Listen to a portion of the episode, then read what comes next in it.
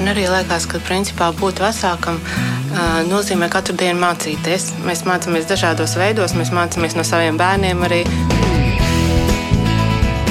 Mēs tiekamies ģimenes studijā.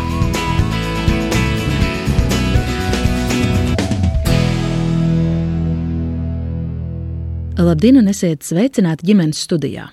Pagājušajā nedēļas nogalē nosvinēta māmiņa diena, un tai par godu mēs vēlējāmies šoreiz atrast un apciemot kādu supermāmu. Un šķiet, ka tas mums patiešām arī izdevās. Tā nu es Agnese Linka aicinu šodien kopīgi doties ciemos pie Alises, Taigas un Augustes avotām. Alise ir mamma, Taiga un Auguste, viņas dviņu meitenes. Apzīmējums vientuļā māmiņa Alisē nedz patīk, nedz arī piestāv. Viņa labprātāk sevi sauc par solo māmu. Kādā intervijā ar jauno talantīgo aktieri Kārli Arnoldu avotu izlasu, ka savu māsu Alisi viņš uzskata par apbrīnojami stipru sievieti.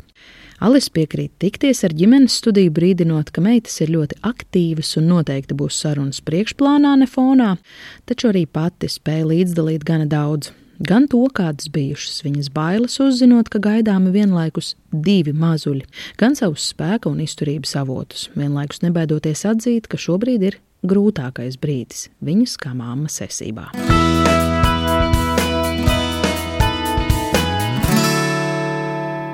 Es esmu Alise, es esmu forša sieviete, zīmolvadības speciāliste, profesionāla komunikācijas speciāliste, un es esmu arī dviņu mamma. Kas sauc tevi? Taiga.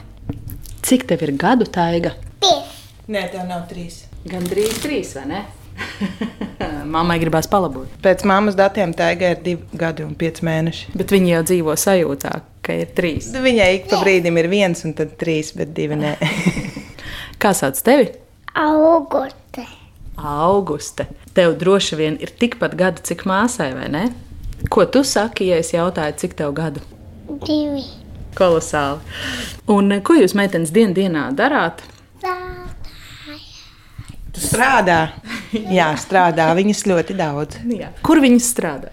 Viņas strādā pie tiem puķu podiem, ko mēs redzam uz palodzes. Tur viņas eh, roka zemi un pārstāda puķis. Eh, Viņas strādā tajā skapī, kur stāv rīsi grīķi un tam līdzīgas lietas. Pārber lietas no skapja uz grīdas. Jā. Jā. Pārkrāmē trauku mašīnu, visādas tādas lietas. Jā. Nu, nu, iet uz dārziņu. Ko tev vislabāk eh, patīk darīt dārziņā, Taiga? Mašīna. Mašīnas. Jā. Ko vēl tev patīk darīt? Strādāt. Strādāt, jā, tā ir kaut kāda zināmā ir jā, jā, jā, jā.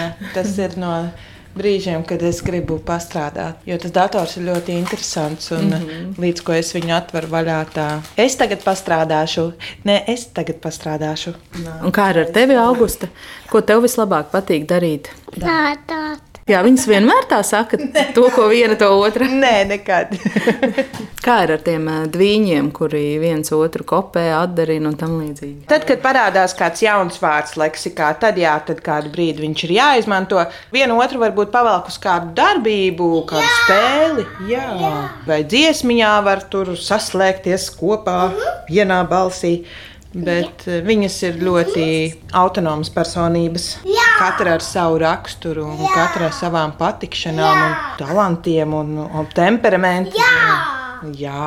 Un vienmēr tā piekrīt mammai. Nē, nē, nē. Jo īpaši tā ega tieši. Es redzu, ka viņas arī vizuāli ir atšķirīgas. jā, jā, viņas ir divi viņi. Ja mammai būtu vēl ā, jāraksturo, kāda, kāds viņas ir. Nu, tā ir tāda gaisīgāka būtne. Viņai ir vairāk uz uh, mākslām, viņai ļoti patīk zīmēt, viņai ļoti patīk individuāli darboties. Nepatīk, ka viņai traucē. Viņa var ilgi noturēt uzmanību uz vienu lietu, ķimerēties, tādi mazi darbiņi viņai patīk. Uzmanība taigai. Kā mēs redzam, patīk uzmanība. Jā. Augustīte, auguste mums ir mazais boss. Ja tā ir kāds ir apžojis, augusti ies tā kā aizstāvībā. Bet, ja augusti viņai ies sūdzēties, tad tā ir tāds, nu jā, žēl. Nekad nepieslēgsies tā kā palīgā. Jā, augustē ļoti patīk motori, mašīnas, riteņi.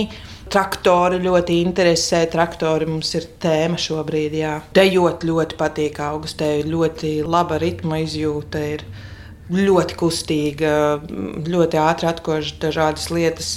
Tur kā uzrāpties pa kādu sienu, vai kā tur jānoliek kāja. Viņa tur pastāvēs, padomās, pamēģinās šitā, pamēģinās tā, kamēr atkodīs.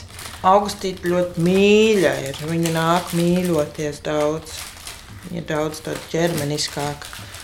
Tā aicīta makala ļoti bieži tieši besīga. Viņa negrib būt čūna, viņa negrib samīļoties, un es arī ļoti respektēju šīs viņas robežas. Neuzbāžos ar savu mīlestību, tad, kad viņai to negribās.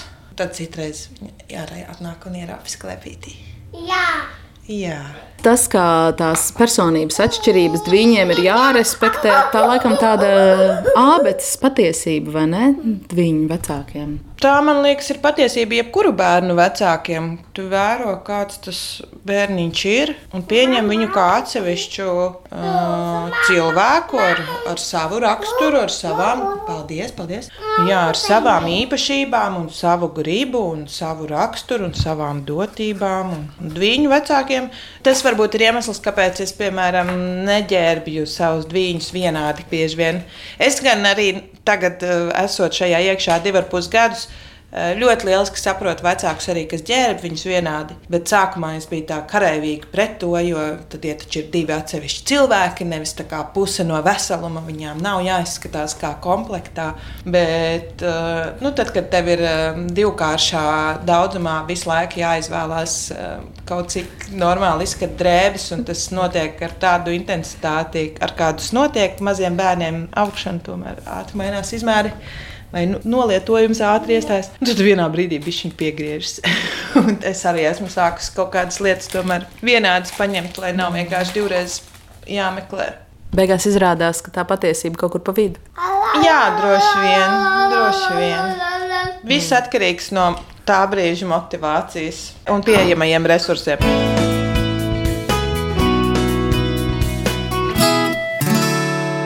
Kādi ir tie karjeras līkloči bijuši?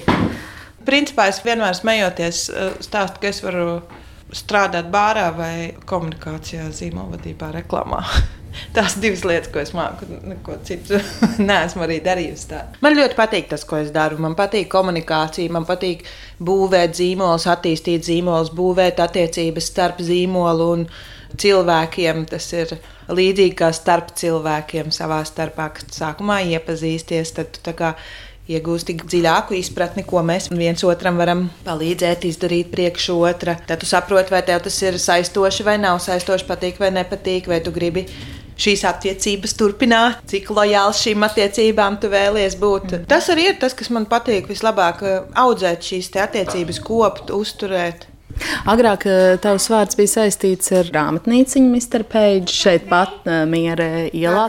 Mr. Page bija eh, mans un manu divu labu draugu sirds projekts. Koncepta grāmatnīca. Tā bija mūsu ideālā versija par grāmatnīcu, kādai tā jābūt, lai iešana uz grāmatnīcu un atrašanās tajā ir kā pieredze, kā piedzīvojums. Un Mr. Page bija arī uh, Mana izpausme kā zīmola speciālistē, kur beidzot es biju vienīgā, kas nosaka, kā viss eh, ar to kā, zīmolu būs. Man nebija klienta, ar ko jāsaskaņo mm. šīs lietas. Mēs paši bijām paši sev klienti un paši visu izlēmām, kā tas mm. izskatīsies, kā tas funkcionēs.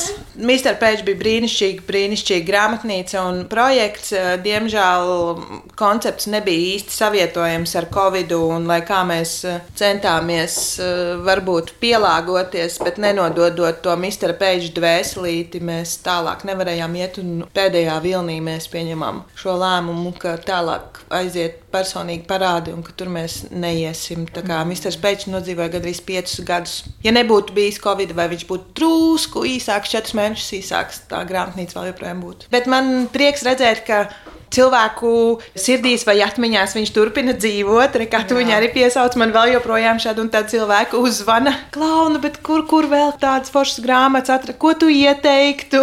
vai kā tā. Tad mums bija brīnišķīga sadarbība ar Latvijas izdevējiem, īpaši liels un mazs.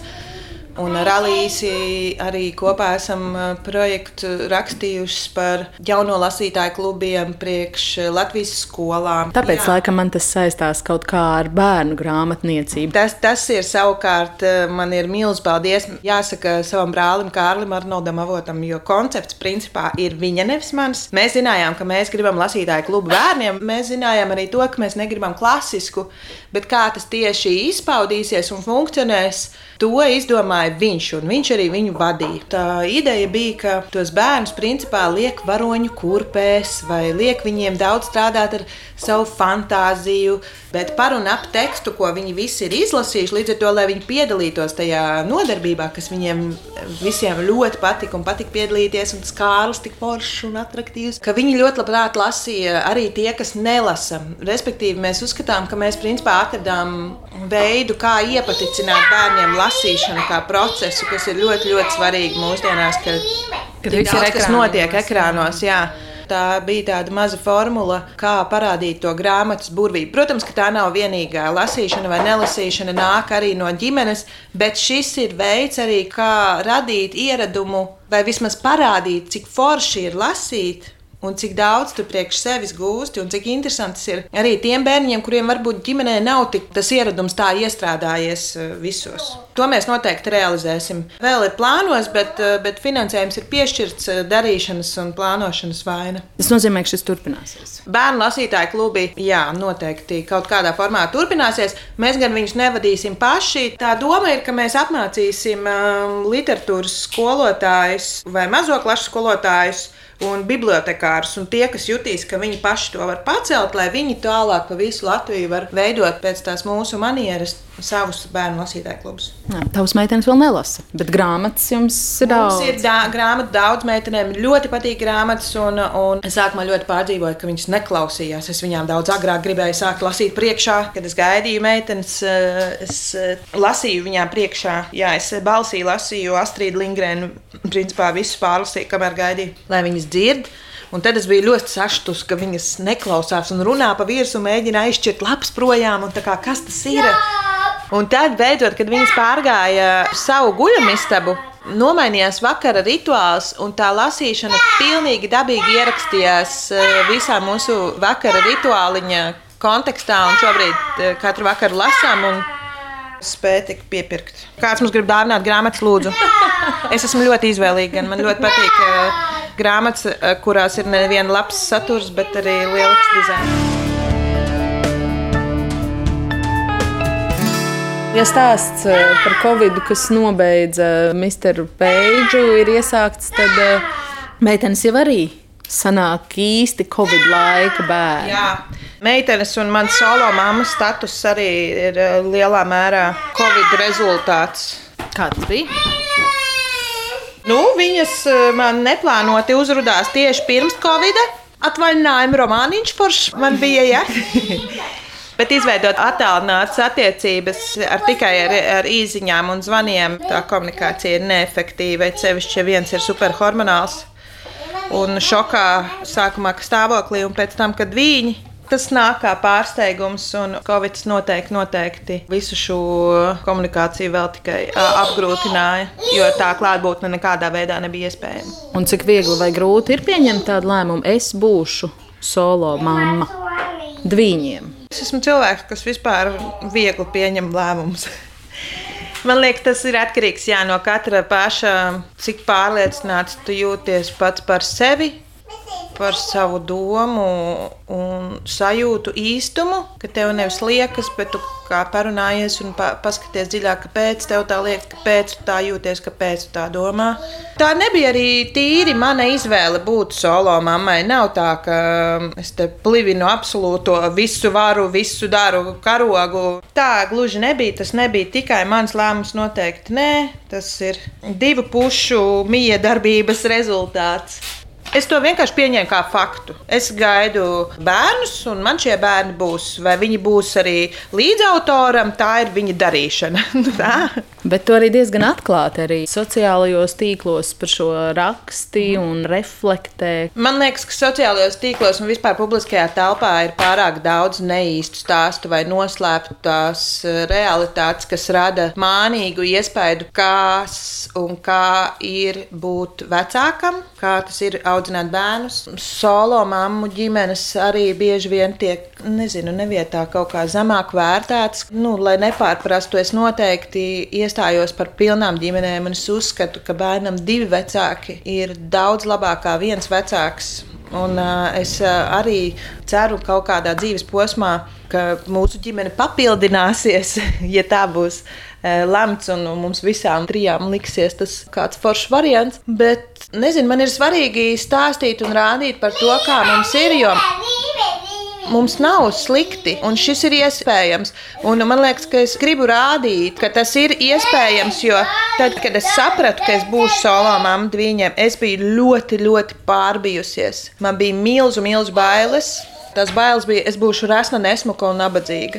Un tā man likās, ka būs, un ka es netikšu galā, jo tas nav iespējams. Jo man pirmkārt ir tikai divas rokas, un tie bērni jau ir divi, kā tu viņu vispār pacēli augšā. Un, Un to bažu un baiļu bija tik daudz, un uh, man terapeiti ieteica atrast vēl sievietes, kurām šis jau ir izdevies. Kurš meklē, tas atrod, un es atradu. Un ir, es neesmu vienīgā dviņu solo mama. Un, uh, ir sievietes, kuras ir pilnās ģimenēs, bet uh, faktiski tas izpaužās tāpat kā man. Līdz ar to mūsu ir daudz vairāk, kā varētu domāt. Un, tas ir izdarāms. Un tas arī ir iemesls, kāpēc rādīt un stāstīt, kāpēc es gribēju to darīt. Jā. Ja vēl kāda nonāk manā situācijā, lai nav šo milzu baiļu, jo bez tā posma varēja iztikt. Tas bija diezgan tumšs un drūms. Un, ja es ar savu klāto stāstu varu kādam šo aiztaupīt, tādēļ vien ir vērts. Vēl es gribēju to kontu taisīt kā tādu antidotu tām super skaistajām, happy go lucky, viss perfekti, tīrās mājas, daudzie bērni, paklausīgie, saticīgie vienmēr, un mēs vienmēr tik stilīgi ģērbti. Es gribēju tā kā tāds reality šovu būt. Un arī tām mamām, kurām nu nav, nav viss tik perfekti, lai, lai viņas var ieskatīties manā kontā un nodomāt, oh, fuck Man, man viss labi vēl ir.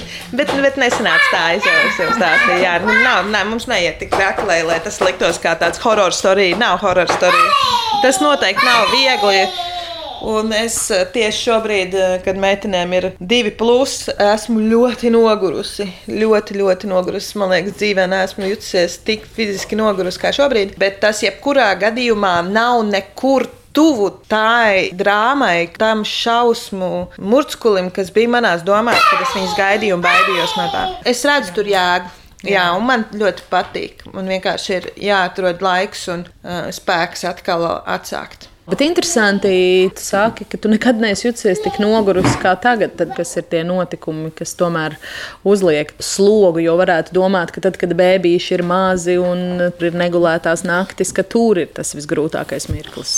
Jebkuram jaunajam vecākam, un kur nu vēl tādam, kuram ir eh, divi viena vecuma bērniņi. Visgrūtākais ir pēdējais pusgads, un tas ir apstākļu kopums. Es biju atgriezies pilnas slodzes darbā, eh, par ko es biju ļoti priecīga. Meitenes uzsāka dārziņa gaitas, sākās ziema kara laikā ar uh, milzu cenu kāpumu, kas man lika atrast vēl papildus nodarbošanās, lai mēs tiekam galā finansiāli, jo es nemānīšos, šis ir dārgi. Es parasti jokoju, ka mums iet labi, mūsu ģimenē slikti iet tikai makam. Mūs atbalsta mana ģimene kā var, bet man ļoti patīk vienmēr būt spējīgai pašai Eh, par sevi parūpēties un, un nodrošināt. Un šo ziemu mūs eh, nopietni atbalstīja mana māma un tēvs. Un tas viss nospiež, un bērnu slimošana, un tu mēģini apvienot darbu, halčus un miegu, un kaut kur vēl pa vidu atrast laiku sev. Tas noved pie tā, ka es maz guļu ļoti. Ah, jā, un mani atlaid no tā darba. Jā, starp citiem iemesliem arī par kavēšanu, bet nu, es nevaru iespējot bērnu slimošanas biežumu pirmā bērnu dārza gada laikā. Bet es varu atrast uh, citu kādu foršu darbu, kurš varbūt no vienas puses man liekas muļķīgi tā teikt, saprotošāk par šo izturēsies. Uh, tā kā man ir bijis savs uzņēmums, es varu saprast arī darba devēja pusi šim. Tu algo darbinieku tu vēlies, lai viņš ir funkcionējošs.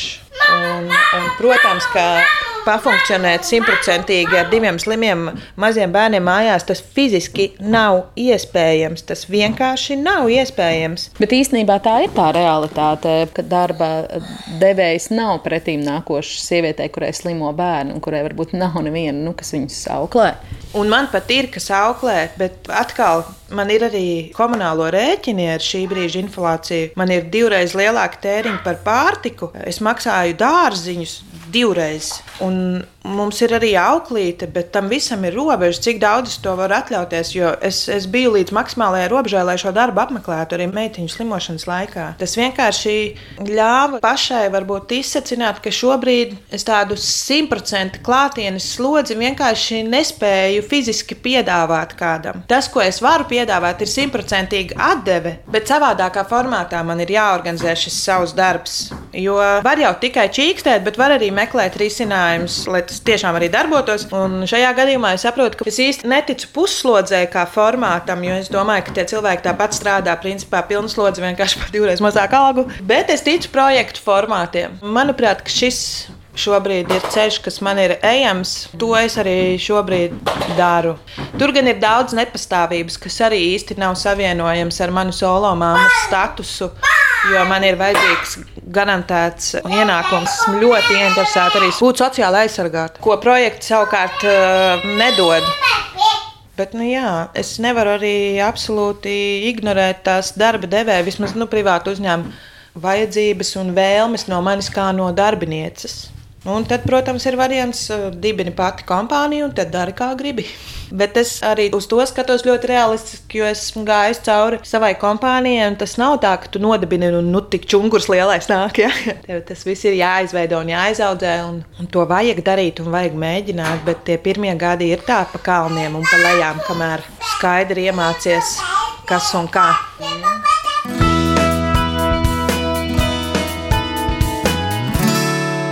Bērnu dārzs ieskanējās, meitenes ir uzsākušas. Jums ir bērnu dārzs. Pirmkārt, mēs, protams, kā visi iestājāmies valsts dārziņu rindā. Tā kā meitenes ir dzimušas novembrī, mūsu rindas ir ļoti, ļoti, ļoti tālu vēl joprojām. Patiesībā nē, pienāca rinda taigai pirms dažiem mēnešiem Krievu dārziņā, bet tikai taigai. Kas nav īsti variants, tāpēc es palaidu šo rindu garām apzinoties, ka šāda būs tā situācija, un uh, es jau esot stāvoklī, uh, pieteicos rindā. Kādi tad bija tie privātā bērnu dārza kritēriji? Kas tev ir svarīgi? Man ļoti patika programma tieši, ko dārziņš uh, konkrētais piedāvā. Man patika, ka tur ir tās piecas uh, zonas, kas tiek apskatītas, ka viņi mācās par dabu, ka viņi mācās paši par sevi, ka bērniņš iemācās apzināties sevi. Man bija svarīgi, lai dārziņam ir arī izglītības programma, lai tā nav tikai pieskatīšanas iestāde, kur bērni vienkārši brīvi spēlēs un kāds ir telpā. Man bija svarīgi, lai ir um, pieaugušo skaits adekvāts pret bērnu skaitu grupiņā, lai, lai tam katram bērniņam ir um, gana daudz uzmanības, un lai viņam ir šī iespēja gan pieaugušiem redzēt, ka viņam vajadzīga uzmanība, vai kāds apskāvieniņš, vai kāds. Mm vārdiņš vai atbalsts, un lai bērnam ir iespēja pienākt klāt. Man bija ļoti svarīgi, lai nav pārguruši cilvēki, izdeguši, lai nav. Jā, man ļoti patika programma, man ļoti patīk, ka viņi māca pašiem bērniem apzināties sevi, savu es, savas robežas, veidot attiecības ar citiem tieši par to patību arī. Tad tur, protams, ir gan mākslas, gan mūzikas, nu, kas nu, ir standartā, jā, gan loģiski matemātiskais novirziens, gan dabas novirziens, tad viss tas notiek tādās piecās lielajās tēmās. Tādās mm. tēmas visu laiku iet uz rīņķi. Un nesmu nožēlojis tam mirkli šo izvēli, jo man ir absolūta paļaušanās, un man ir miers aizvedot, ka ar viņām viss būs kārtībā, un ka viņas būs ļoti labi pavadījušas laiku, un es redzu, cik uh, brīnišķīgi viņas attīstās. Un, jā, un vēl kas man patika, visi pedagoģi ir izgājuši izgājuši bērnu emocionālās audzināšanas kursus, kas, manuprāt, ir viena prasme, kas mums kā paudzei trūkst, bet mēs to esam sākuši labot. Bet iepriekšējai paudzei trūkst ļoti, kas ir audzinājis mūs. Līdz ar to es pati, gan gaidot meitenes, gan vēl joprojām tagad, strādāju pie tā, lai mācītos būt labs vecāks saviem bērniem. Jo es neuzskatu, ka piedzemdē un vienkārši māki. Es gribu varēt izdarīt uh, foršāku, un es uzskatu, ka ir tik daudz atklājumu pēdējā laikā, kāpēc kā mēs jūtamies, vai kas ko izraisa, vai kādas sekas ir noteiktiem notikumiem, vai rīcībai, vai attieksmēm, ka šis viss jau, nu, jau ir gan izpētīts un ir noteikti secinājumi, tad eh, kāpēc lai negribētu šo apgūt? Tas rezultāts būtu daudz foršāks. Gaidot meitenes, mēs ar brāli izgājām vecāku izglītības programmu, jo man ir brīnišķīgi vecāki, bet es, es zināju, ka kaut kādas lietas noteikti es gribētu savādāk, jo, jo mani vecāki ir nevien brīnišķīgi, bet arī bija ļoti jauni vecāki.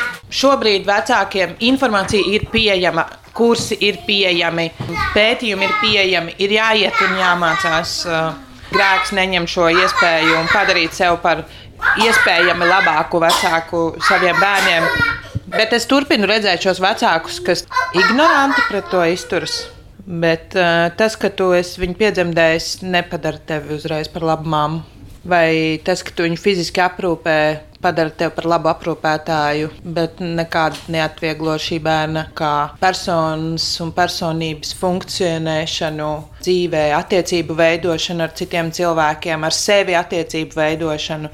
Mēs šobrīd tiešām varam pamācīties, kā ielikt ļoti labus, un vērtīgus un stabilus pamatus, lai aiztaupītu saviem bērniem daudz situāciju, ko mēs paši esam piedzīvojuši un uztvēruši to kā normu, bet tā nav. Vajag izmantot šo iespēju un iet mācīties. Ir daudz kas pieejams par brīvu. Vajag tikai gribēt un meklēt, un ļoti daudz atbildžu jau jau ir atrodams. Bet uh, dažreiz ir tā, ka ir rūpīgie vecāki, un man liekas, ka speciālisti arī to saka, ir tik tālu iedziļinājušies un tik tālu uzstāda sev augstas šīs prasības, ka kaut kādā brīdī mēs sākam kārties augšā ar to, cik daudz ko vajadzētu ievērot, ņemt vērā un izdarīt pareizi pēdiņās liekot. Tu nenonāc kādreiz pie tās sajūtas? Man ir uh, divi parametri šim. Principā pirmais ir tāds, ka es uz visu skatos, ko es daru, ne tikai bērnu audzināšanu, vai es esmu izdarījusi maksimāli labāko ko es pie noteiktajiem apstākļiem varēju. Ja es varu sev ar vieglu sirdi un atklāti atbildēt, jā, tad tas ir tas punkts, kur es apstājos. Tur sevi vēl tur bakstīt, tirdīt. Un otrs ir. Tā kā es kļuvu par solo mammu, jau gaidot meitenes, es jau no sākta gala zināju, ka mums nekas nebūs perfekti. Līdz ar to pēc noklusējuma man nav šī uzstādījuma būt perfektajai mātei, perfektajai ģimenei, jo es zināju, ka mūsu izējas situācija jau nav perfekta un mums tas nav iespējams. Līdz ar to es tur nemēģinu iet, es atkal jau mēģinu vienkārši darīt to, ko es varu. Vonegūtam laikam bija tas. Tur gan pieminēts Dievs, es, es neesmu ticīga reliģiskā ziņā, bet, kam es pieturos, Dievs dod man rāmu garu pieņemt visu, ko nespēju ietekmēt, drosmi ietekmēt visu, ko es spēju, un gudrību atšķirt vienu no otra. Bet tas maksimāli labi izdarīt, slidens, man liekas, jēdziens. Tā ir. Tur ir zināma daļa perfekcionisma. Tas ir arī iemesls, kāpēc es vakar līdz pieciem rītā taisīju taigas dārziņu projektu. Bet es tā daru lietas, es nevaru savādāk. Man ne visā varbūt tas ir svarīgi, bet ir kaut kādas lietas, kur man tas ir īpaši svarīgi, un tad es vienkārši ļauju sev to darīt. Mēs tiekamies ģimenes studijā. Šodien ģimenes studija viesojas pie viņu mammas Alises avotas. Alise sevi sauc par solo māmu jāstrām divgadniecēm Taigai un Augustei.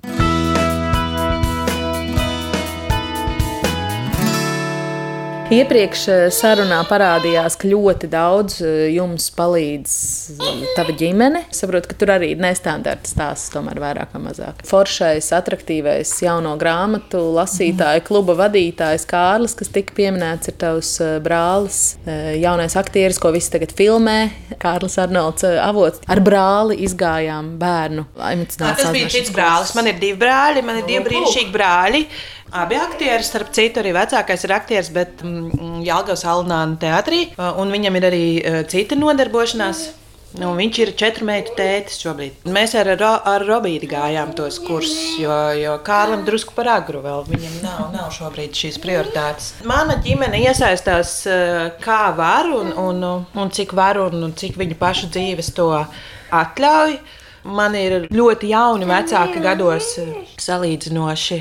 Līdz ar to paši vēl dzīvo ļoti, ļoti aktīvas eh, dzīves, un, un profesionālās, un privātās. Un, un brāļi arī Kārlim šobrīd. Es vienkārši nesaprotu, kā viņš funkcionē. Man liekas, viņam vispār nav brīvā laika. Un Robītam arī nav brīvā laika. Viņš arī ir perfekcionists tajā, ko viņš dara. Eh, viņam ir brīnišķīga eh, ģimene, viņš ir superīgs tētis, un, un eh, viņš ir arī ļoti aktīvs zemesardzē. Man abi brāļi ir zemesardzē. Viņi palīdz man, kā viņi var. Šobrīd tas vairāk izpaužās finansiāli, kā ar pieskatīšanu. Palīdz, kā var. Jā, šobrīd, piemēram, man ir divas laikam, nedēļas saplīsusi mašīna, un es pati to nevaru atrisināt. Bet tad mēs braukājam ar kārļa mašīnu. Tikmēr. Nu, tā, viņi man palīdz tikt galā ar, ar dzīves kāzusiem, jo tā tāda notiek visu laiku, un, un esot solo mammai, jāsaka, ka tādas sadzīviskas problēmas mēdz būt uh, diezgan sarežģīti atrisināt. Jo man, piemēram, organizēšanos prasa it viss, iknedēļas pārtiks iepirkums man ir jānorganizē. Nu, es varu to darīt ar meitenēm, bet es uz to saņemos nu, reiz divos mēnešos. Pat. Tas ir izaicinoši, ļoti pārāk grūti patiesībā. Jo man ir jātiek galā ar trīs pilniem lielajiem maisiem un vēl diviem bērniem un vēl mašīnām parkingā. Bet es uzskatu, ka viņas neiemācīsies uzvesties veikalā vai saprast, ka viņas nevar paņemt visu un ka mēs nepirksim visas kinderoles, kas tur stāv. Neejot uz to veikalu, līdz ar to laiku pa laikam mēs tomēr ejam visas trīs. Un tad es vienkārši ņemu pretī arī scēnu pie kases vai kaut ko tādu. Bet man liekas, ka bez tā nevar. Tāpēc paldies sabiedrībai, vismaz tai daļai, kas pret šo izturās saprotoši, nevis met zibeņu skatus uz katru brēcošo bērnu kas gadās viņu ceļā. Bērni ir mūsu sabiedrības daļa, viņiem tur ir jābūt. Un man ir ļoti īpašs liels fuja rimī. Par viņu zemajiem saldumu plauktiem pie kasēm. Šis ir vienkārši zemiski patiesībā. Pieaugušiem cilvēkiem tie plaukti nav domāti. Tie plaukti ir divgadniekiem, trīsgadniekiem. Spēlēt tieši, lai vecākiem būtu kauns un viņi gribētu, lai tie bērni beidz bļaut, jo pārējie sāk skatīties ļaunīgi. Not nice. Citiem lielveikaliem nav tik zemi tie plaukti. Es eh, tādus neesmu redzējusi Lidlā. Mēs varam Lidlam diezgan mierīgi iziet cauri. Ah, jo tur viss, kas ir kārdinoši, stāv augstāk. Jā, jā nu, tas viss ir kaut kā normāli izvietots. Tā, nu, jo tie plaukti tiešām nav pieaugušajiem. Viņi tiešām ir manipulēšanai. Kad tev ir grūti viņam to brīdi pateikt, nē, tu gribi mierīgi pabeigt iepirkšanos. Un Esi spiests, nu reāli neforši. Vēl viens fuj Jāņa Rozes grāmatnīcām par rotaļlietu tirgošanu savās grāmatnīcās. Jo bērns eh, zem četru gadu vecuma, protams, ka paņems mantiņu, nevis grāmatu. Es esmu bijusi tajā nozarē, ir grūti, jā bet mēs esam gaismas nesēji. Mums ir jābūt šiem ideoloģiskajiem lasīšanas, un, un grāmatniecības, un brīnišķīgu autoru un brīnišķīgu darbu aizstāvjiem. Brīdī, kad mēs noliekam blakus grāmatai rotaļlietas, mēs bērnam iemācām, ka tā rotaļlieta ir vērtīgāka, un grāmata ir mazvērtīgāka. Tā nav ziņa, kas mums jānodod savai mazajai paudzei. Pienāk brīdis, kad divgadnieces nogurst no ģimenes studijas klātbūtnes un grib visu mammas uzmanību atgūt sev. Tad Alisa ar meitenēm vienojas, ka viņas varētu paskatīties savu iemīļoto multfilmu tikai bez skaņas, par ko gan jaunās dāmas mēģina iebilst, tikmēr mēs mēģinām turpināt sarunu. Ekrāna lietošana kā tāda nav slikta. Pasīvā ekrāna lietošana ir kaitīga. Ekrāna nevar kalpot kā rīks, kā es atslēdzu bērnu no sevis. Tad tā kļūst par pasīvo skatīšanos.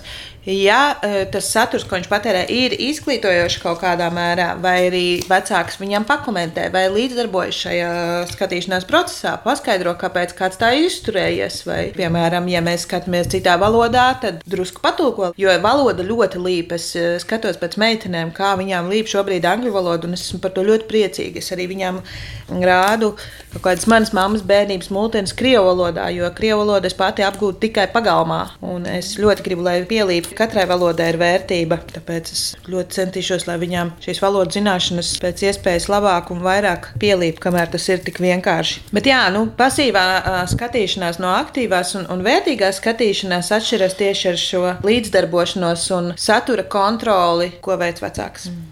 Tas nozīmē, ka tev televizors vai ekrāns kā aukla neizpalīdz. Tās ir pilnīgas muļķības. Tā nav. Tad, kad es esmu uh, spiesta pastrādāt no mājām, re, kur mums ir vāģi, vāģi slavenie. Vāģi, bet nu, mēs skatāmies uh, angļu versija. Jā, tāpat arī tutas lietas mums ir pagājušas. Es skatos uz to daudzumu, protams, es skatos, lai tas nav vairāk kā stunda. Ir, ir arī mūsu mājās, tad, kad nav citu variantu, tad TV ir aukli. Es saprotu šo vajadzību. Manī nav ilūzija. Es arī saprotu bļaujošos vecākus šobrīd. Es saprotu dusmīgos vecākus, ko es iepriekš diezgan nosodīju. Es saprotu, bet Respektīvi, es saprotu, kur radās šīs reakcijas, bet es nesaprotu, kāpēc cilvēki nevēlas viņas labot. Jo impulss ir viens, bet klausīt vai neklausīt impulsu ir pieauguši cilvēka rokās. Un sakot šo, Es nesaku, ka es vienmēr nepaklausu saviem impulsiem, paklausu un kā vēl paklausu, bet es arī roku sirds liekot, varu teikt, ka es tiešām cenšos nebūt šo impulsu vergs un mācīties, lai būtu forša un laba mamma un gudra mamma saviem bērniem.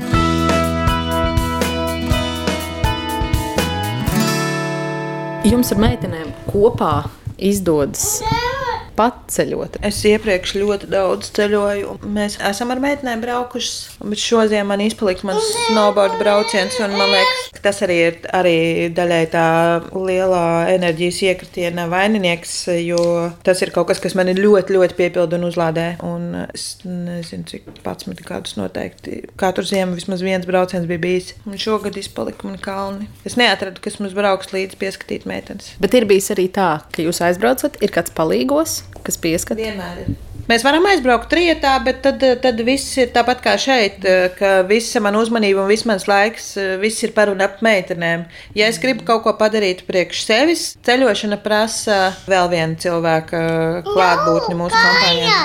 Un tad tas ir bijis tavs brālis, kas ir braucis ar jums? Jā, vienreiz tas ir bijis mans brālis, tad mums ir bijis auklītis Māris līdzi uz Berlīni, vēlreiz ir bijusi meitiņa krusmāta Katrīna līdzi uz Gruziju, arī kas snowboard braucienu. Jā, un ar, ar brāli Robītu mēs ar auto braucām uz Ukrajinu, jā, uz Karpatiem. Es braucu snovot, viņš skatījās meitenes. Tikmēr. Tas bija baigi labais brauciens.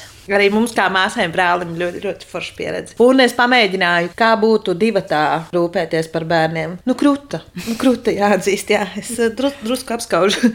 Rīcības spēja paliek stipri lielāka. Bet, nu, var kā, sēdēt un domāt, vai cik slikti, kā man tā, kāda es nabadzīta, un var arī tā vienkārši nedarīt. Jo rezultāts no tā nevainās. Vai tu sevi žēlot, un slīksti kaut kādā tādā Nezinu, kā to nosaukt. Vai arī tu to vienkārši nedari. Un man ir diezgan skaidrs tas, ka es pati veidoju to mūsu dzīvi. Un cik forši es izdarīšu lietas, tik forši arī mums būs. Jo šobrīd tā ir. Mēs esam trīs. Un es esmu pieaugušais. Es šobrīd veidoju mūsu dzīvi. Tā kā es arī uzņemos atbildību. Šobrīd ir grūtāk, bet mums nāks kā labie laiki. Cilvēki man bieži saka, es nesaprotu, kā tu tiec galā. Un uh, iepriekš vienkārši smējos, un pārsvarā bija tā, ka man likās, ka es tiek galā. Šobrīd man liekas, ka es īsti netiek galā, bet mēs noteikti tiekam uz priekšu. un šobrīd tas ir tas, kas ir gana labi. Būs atkal labāks brīdis, noteikti. Es kādā intervijā ar tavu brāli Kārlijā tieši izlasīju tādu frāzi, kur viņš saka, ka viņu ļoti iedvesmo māsa Alise, kas ir superstipra sieviete. Kā tev pašai liekas, no kurienes tas spēks, tā izturība nāk? Man liekas, ka stipram būtu vieglāk kā būt ievainojumam vājam.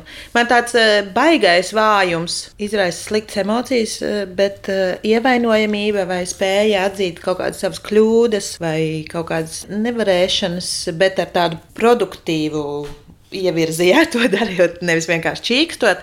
Tas savukārt man liekas ļoti simpātiski un ļoti vērtīga prasme un, un īpašība. Bet jā, tā stiprā sievietes, nezinu, mums jau tauta tāda vēsture, jau viņas ir veidojusi dzimta, mums ir tāda. Man liekas, ka stiprās sievietes būs katrā nācijā, kur daudz kari gājuši pāri. Un sievietēm ir vienkārši bijis jāvar tikt galā ar apstākļiem, kādi tie ir. Jā, kāpēc Kārlis tieši tā jūtas par mani?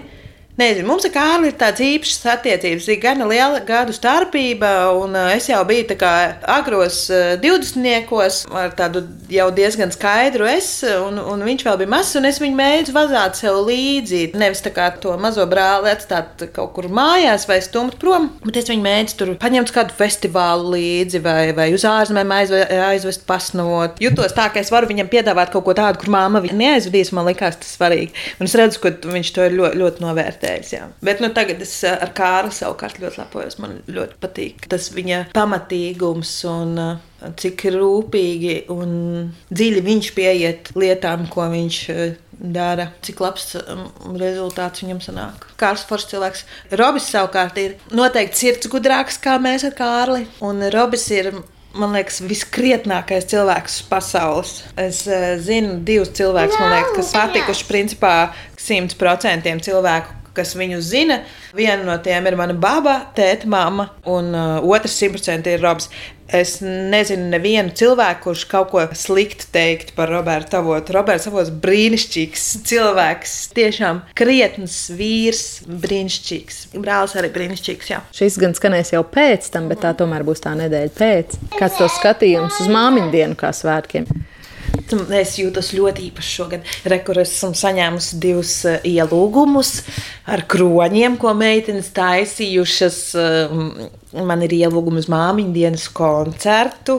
Ja pagājušajā gadā man vēl tur ģimene un, un zanīta rūpējās, lai, lai es arī saņemu savus māmiņu dienas sveicienus, tad šogad jau meitenes pilnāka tuškā pašas rūpējās. Mums ir gan koncerts, tur man jāierodās, un tad piekdiena obligāti ir jānāk pa noteiktām durvīm dārziņā, jo tur vēl kaut kas būšot, un tad es dziedu, ka viņas te pa stūrīšiem dzied ciesmiņu smuku par māmiņu viņu. Un, un, jā. tā kā šogad es jau e, izjūtu šo dienu kā noteikti savējo. Nu, un, protams, esot pašai mammai, es daudz vairāk novērtēju arī savu mammu un, un viņas ieguldījumu e, mūsu audzināšanā, ko es iepriekš vienkārši neredzēju. Šobrīd es to visu daudz vairāk novērtēju un saprotu. Tas, laikam, visām meitenēm tā ir, kad viņas jā, kļūst jā, par mamām. Jā. Jā, jā. Tā kā iesaku ne tikai pašām baudīt savas māmiņu dienas, bet atcerēties pateikt nu, un aizvest tās puķis arī savām mamām. Tādā ziņā arī man brāļa brīnišķīgi Kārls vienmēr norganizē kaut kādu tur ziedu klēpi, vai pats aizved vienmēr tas cits jautājums, bet mammai ir viņas eh, klēpīts. Tuvojoties sarunas izskaņai, jautāja Alisē, varbūt palicis kaut kas, ko viņai šķistu svarīgi pateikt vai pieminēt. Es jūtos baigi diskriminēta no valsts ar saviem dviņiem. Mūsu valstī dviņi ir baigais ielidojiens finansiāli tieši. Tas man liekas baigi traki, jo privātais dārziņš reiz divi, drēbes reiz divi tā bērnu dārza situācija arī, nu, kā, kā man var iekļūt viens bērns dārziņā, nu kā. Nu, labi, viņi teica, nu, gan jau mēs tam otram atrastu vietu, bet uh, kāpēc man ar to jādīlo vispār? Tāpēc, ka man piedzima divi bērni. Un, un saprotu, kāpēc ir atlaide divu bērnu vecākiem dārziņā 30 eiro. Ja? Es nezinu, vai tas nāk no pašvaldības vai, vai no īpašnieka. Nu, ir kaut kāda atlaide vienmēr par otro bērnu. Un, bet tas ir adekvāti situācijās, kurās tu esi izvēlējies, ka tev būs tas otrais bērns. Viņi nav īsti izvēle cilvēkiem. Tas ir pārsteigumiņš. Foršs pārsteigumiņš, bet ir nulle atbalsta. Ir nulle atbalsta. Izņemot pirmo gadu, tu saņem tos papildus 170 eiro, kas nosacīts tieši pamperus. Un vairāk neko. Trīņiem ir atbalsts, Un es saprotu, ka jā, un, un vēl. Bet vajadzētu arī kaut kādu atbalstu viņu vecākiem, jo tas sloks ir liels. Un, labi, man ir tādā ziņā ļoti nepraktisks kombo, viens vecāks un, un viņi, bet nezinu, vai tas ir kaut kāds papildus subsīdiju palīdzībai vai kā, jo, jo mans dzīves līmenis, kaut arī man ienākumi bija gana labi, ir tik krasi krities, tāpēc, ka man ir piedzimuši divi bērni reizē. Manuprāt, tā tam nebūtu jābūt. Es taču arī maksāju visus nodokļus kārtīgi, un mans viss sociālais atbalsts ir tāds, kā man būtu viens bērns. It kā tā būtu bijusi mana izvēle. Arī viņu auklis ir dārgāks. Tie ir citi izdevumi, jo tie ir divi bērni. Nu, to jau vispār var uh, paplašināt par to, kā mūsu valsts izturās pret vecākiem, kas audzina vienu savus bērnus, Jā, pret solo vecākiem ir, vispār. Par šito es ļoti daudz domāju. Principā, kas solo vecākiem ļoti noderētu, tās trīs plus kartes īstenībā ar tieši tādu pašu funkcionalitāti, jo kur rodas lielais risks? Tu kā solo vecāks, tev ir vienam jāiznes atbildība, ko standartā dalītu divi, kas nozīmē arī finansiālā atbildība gūst uz taviem pleciem. Jā, un visi resursi tev ir jāspēj pienest vienam. Es izgāju Rīgas domē, bija labs tāds um, priekš solo vecākiem padalīties pieredzē, vienkārši nu, tieši vientuļiem vecākiem nepatīk šis nosaukums. Nevienmēr mēs esam vientuļi. Un tur ļoti skaidri iezīmējās šis moments, kas solo vecākam ir akūtās vajadzības, kuras viņš ļoti bieži nespēja atrisināt pats priekš sevis, un kur ļoti lieti noderētu atbalsts, tāpēc ka viņas izraisa vienu otru. Vientulība, tev trūks pieaugušu cilvēku kompānijas, jo, lai tev būtu pieaugušu cilvēku kompānija, tev jāspēj iziet no mājas. Lai iziet no mājas, tev ir vajadzīga aukle, lai atļautos aukli, tev ir vajadzīgas finanses. Ir par īsu finanses un nav laika sev iztikšana bieži. Jā. Manuprāt, tas ir valstiski risināms. Un īsnībā tā trīs plus karte jau atrisināta. Es saprotu, ka viņi tad vairs nevar saukties goda ģimenes karte vai tur kaut kāds tur tāds nosaukums. No vienas puses saprotu, ka viņi negrib rosināt šo solo ģimeņu rašanos, bet no otras puses, kam on, mēs šeit jau esam, mūsu ir vairāk kā pēdiņās sakot, pilnās ģimenes. Bieži vien mūsu solo vecāka ģimenes ir veselīgākas par tām pēdiņās pilnajām ģimenēm, tāpēc ka cilvēki ir pieņēmuši šos lēmumus. Nu, visādi situācijas viņiem var būt. Kāpēc eh, tā ir noticis? Un neviens aiz nav ko darīt, nav kļuvis par solo vecāku. Un izliekoties, ka mūsu nav vai šo problēmu nav, tā sajūta tīri fiziski, ka tevi patur startā, kamēr vispārējie jau skrien, un tad tevi palaiž, bet tev ir jāspēj pieraut viņiem klāt. Un tā sajūta tāda arī ir pa dzīvi, ka tu visu laiku skrien tos četrus soļus aiz vilciena, ko tu visu laiku mēģini noķert. Jā, man liekas, ka mazliet noderētu vairāk atbalsta. Man ir bijis domā par organizācijas dibināšanu tieši solo vecāku atbalstam, kas, piemēram, nu, vismaz kaut kādu to pieskatīšanas jautājumu varētu risināt. Es visu laiku atduros pret tik daudz riskiem, jau domājot par to. Nu, kaut vai tas, ka tas prasītu atkal uh, laiku. Jā, tas ir resursu jautājums. Jā, ne, nav, nav divu domu, ka tam man šobrīd nav arī fiziski resursi. Bet vajadzība tur ir liela, un, un es uzskatu, ka šādai organizācijai ir jābūt. Ja, ja man kādā brīdī parādīsies vismaz viena brīva roka un, un mazliet telpas smadzenēs, es domāju, ka es uh, izdomāšu, kā tam notikt. Bet jā, skaidrs, ka tāda vajadzība ir liela, jo mūsu ir ļoti daudz, un tās problēmas visiem ir vienādas. Un, ja tas ir tā, tas ir izcināms valstiski. Padomā, man atlaiž uh, šobrīd no darba, un es viņus uh, nu, no vienas puses saprotu, bet tajā pašā laikā, nu, kā es varu izvairīties no šīs situācijas? Diskusijas, pat esot ļoti atklāta par savu ģimenes stāvokli iepriekš, ar tieši tādu domu, ka tik nenotiek šādi, es vienalga esmu nonākusi tādā situācijā. Vai es varēju no viņas izvairīties, vai es kaut ko varēju darīt vairāk? Nē, es nevarēju, un tas ir tas visskumjākais. Mums jau ir likumdošana, kas sargā bērnu vecākus, bet tajā pašā laikā vai riski beidzas, kad bērnam paliek pusotrs gads? Nu, labi, viņām ir divi gadi, pieci mēneši, vai man mazāk naudas pēc mēnesī ieiet, vai es nezinu. Es esmu uh, atbildīga pilsone tādā ziņā. Man nav nekad bijis problēmu vai izpratnes, kāpēc uh, maksāt nodokļus. Es esmu visrūpīgi un labprāt maksājusi. Bet tad, kad man gadās šīs situācijas, es arī gribētu sajust to uh, aizsardzību. Šobrīd es jūtos diezgan riskantā pozīcijā. Uh, ar savu darbu atrašanās momentu, vai varbūt tur ir jāmeklē kaut kāds jauns eh, slodzes risinājums vai kaut kāds. Uh, pārējais periods, jo tas, tas, ka mazi bērni uzsākot dārziņa gaitas slimo, nav noslēpums. Ar pilnīgi visiem tas notiek, kuri sāk dārziņā iet. Pilnīgi visi bērni sākumā slimo.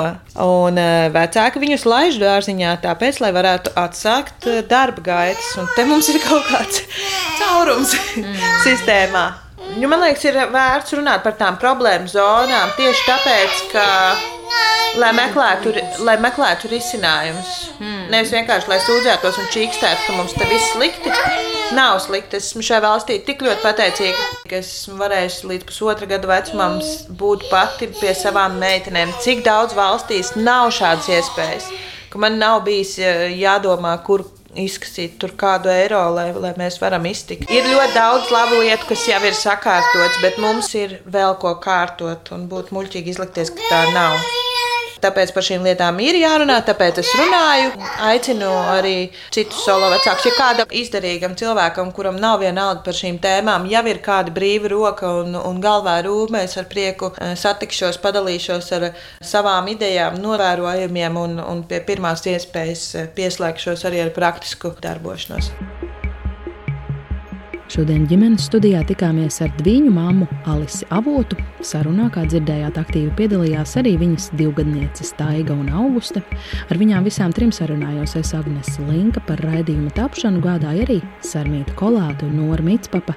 Prieks, ja klausījāties un atgādināšu, ka ģimenes studija ir dzirdama arī visās populārākajās podkāstu vietnēs, Latvijas radio mobilajā aplikācijā un spilgtākais no mūsu satura rodams arī ģimenes studijas sociālo tīklu kontos Facebook un Instagram. Tiekamies arī tur un uz sadzirdēšanos!